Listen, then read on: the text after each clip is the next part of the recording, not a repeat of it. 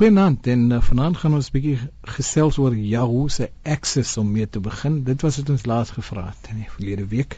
Wat is Yahoo se Access? Nou Access as ek reg onthou het skool daar uit Paulus se waar jy X Access en A Access kry en wiskunde en so aan, maar hierdie is op 'n rekenaar, so dis bietjie anders, nie? Ja, ek wil nou net sê daai was nou nie my sterkste punt gewees op skool.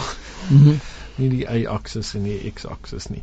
Nou ja, die uh, Yahoo Access is eh, 'n uh, nuwe webblaaier van Yahoo wat uh, basies werk op jou internet soektogte.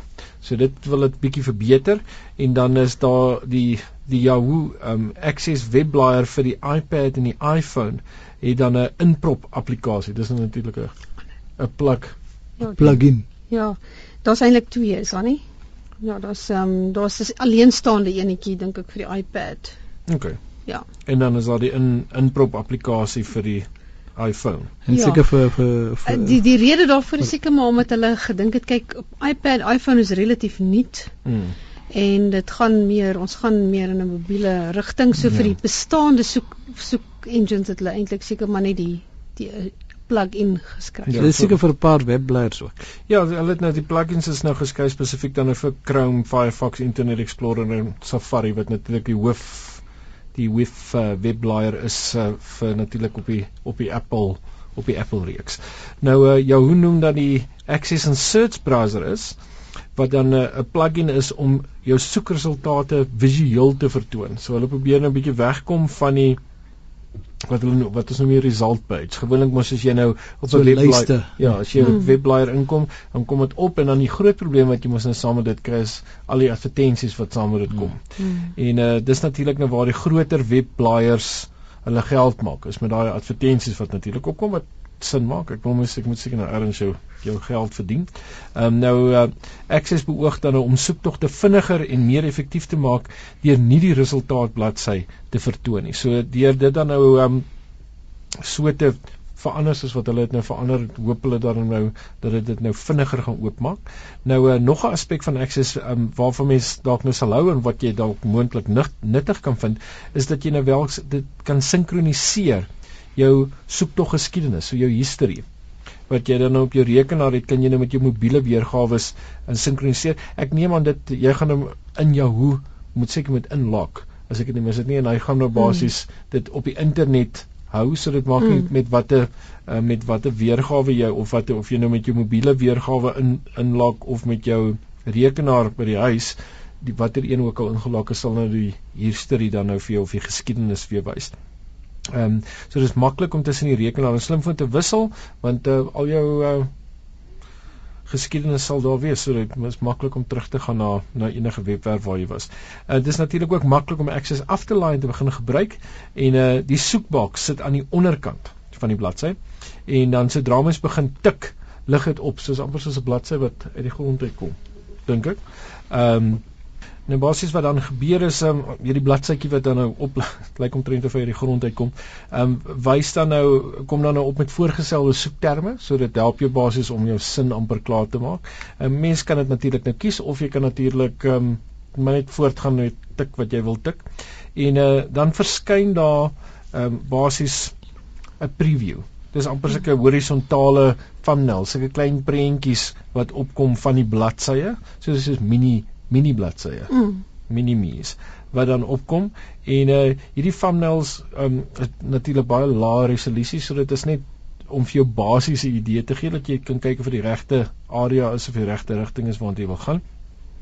En dan mens moet nou maar net besef by sommige webwerwe wys daar nou geen thumbnails nie. So daar um is dalk net teks um so die prentjie laai nie en uh dit mag dalk dan nou die inligting bevat wat mens wat mens nou nodig het of dan nou nie. Ehm um, nou interessantheid so onthaalwe, daar's ongeveer 700 miljoen mense wat jou hoe gebruik. Ek weet nie in terme van internet gebruik of dit hoog is of nie, maar dit klink vir my nogal baie. Ehm um, en verder versprei jou hoe ook webblaaiers oor die algemeen meer uh, Internet Explorer wat dan in Yahoo taakbalk by het. Ek sien dit nogal gereeld. Hmm. Ehm um, aan ten minste 80 miljoen mense per jaar. So hulle het 'n redelike groot verspreiding. Maar weer eens Yahoo is een van daai ehm um, dienste maar soos enigiets jy gaan of van dit hou of jy gaan nie van dit hou nie. So hierdie is 'n dis 'n nuwe dis 'n nuwe idee en dit klink goed. Ehm um, maar jy sal dit vir jouself moet uit uh, uitprobeer en dit mag dalk iets wees hmm. wat jy van gaan hou of jy gaan dalk nie van dit hou nie, né? Ja, ja, dit dit lyk ook nie altyd so goed hmm. nie. So, waar kan mens meer lees, Sari? Ja, gaan lees gerus meer. Daar is natuurlik altyd webwerwe waarop mense hierdie inligting kan kry. So daar's byvoorbeeld een, daar's 'n artikel daaroor by PC World, pcworld.com, daar's ook een by cnet.com en dan as jy Access wil gaan aflaai, dan kan jy gaan eenvoudig na http://access.yahoo.com. Goed nou Christo het vir ons 'n uh, uh, bietjie inligting ingestuur. Ons het baie luisteraars wat vra watter cloud internetdiens moet hulle gebruik. En dis 'n bietjie raad van Christo. Ja, Christo het vir ons ingeskryf. Hy sê daar is 'n uh, riglyne beskikbaar in 'n PDF dokument op internet by die ehm um, die webwerf se naam is https dubbelpunt en twee skynstrepe cloud security alliance een woord.org skynstreep guidance skynstreep ehm um, die ehm um, CSO guide in version 2.in.pdf. So maar gaan kry gerus maar hierdie lang webwerf naam by RSG se webwerf. Ja, ek ek sou dink veral besighede kan baie baat by gebruik van sulke cloud dienste. Mm, ja, cloud ja. cloud is definitief maar die rigting waartoe die ouens mm. gaan gaan um, wat die toekoms aanbetref ja. So gaan kyk um, gerus en kry hierdie inligting by www.rsg.co.za en uh, jy kan natuurlik daar net uh, na ons program gaan kyk by Chila tyd en uh, as jy ook enige raad met ons wil deel of uh, dalk 'n vraag het wat jy wil vra stuur gerus vir ons e-pos na rekenaar by rsg.co.za Nou Andri Becker het 'n bietjie van 'n probleem met Facebook. Hy sê ja. daar is so baie goed wat jy op Facebook kan doen maar hy sê hy kry nêrens iets in verstaanbare taal in sy woorde nie wat die werking daarvan uiteensit. Ek wil nou nie snaaks wees maar voordat ons hierdie nou beantwoord dit, dit is ek verstaan van daai goed nie eers altyd 100% nie. So Andre nou kan jy maar bietjie beter voel as 'n uh, fundie so spul nou bietjie sukkel dan gaan ons uh, leuke ook maar leer sukkel. Nou is daar sulke raad erns, Adi? Ja, natuurlik. Ehm um, net om te verduidelik, mens kan 'n profiel opstel vir jouself, maar as jy nou 'n besigheid het of jy 'n spesifieke organisasie of iets wat jy 'n groep of iets wat jy wil um, bekendstel of my boek wil verkoop of en so dan kan jy nou nie 'n profiel oopmaak nie. 'n Profiel is net vir 'n persoon. Ja. Dan moet jy 'n bladsy oopmaak. Ja, dan gaan jy 'n Facebook page. Ek weet dit is verwarrend want ons praat tog maar van jou Facebook page ja. as jou jou profiel. Ons praat nie noodwendig van my profile nie. Ja. So jy uh, verwys na 'n bladsy, maar hierdie is 'n spesifieke bladsy. Maar nou, dan kry ek ook boodskappe wat wat sê iemand het iets gelaai op my wall op ja. my muur. Ja, dit is nou weer 'n ander ding. Nee, dis op jou profiel het jy ja, het jy 'n muur. Jy het 'n muur, ja. Ja. Die die belangrikste is net wat soos wat Adie genoem het ook met jou persoonlike profiel of jou persoonlike page is dat ehm um, jy word beperk met die hoeveelheid vriende wat jy kan hê. En natuurlik ehm um, natuurlik aan die ander kant wat dit wat dan mens mm. saam met dit gaan met 'n page, ehm um, is daar nie 'n limiet op die hoeveelheid mense wat dit kan like nie. So mm. waar jy jy invite 'n vriend, kan jy met 'n met 'n page kan jy kan jy like en of unlike. Ja.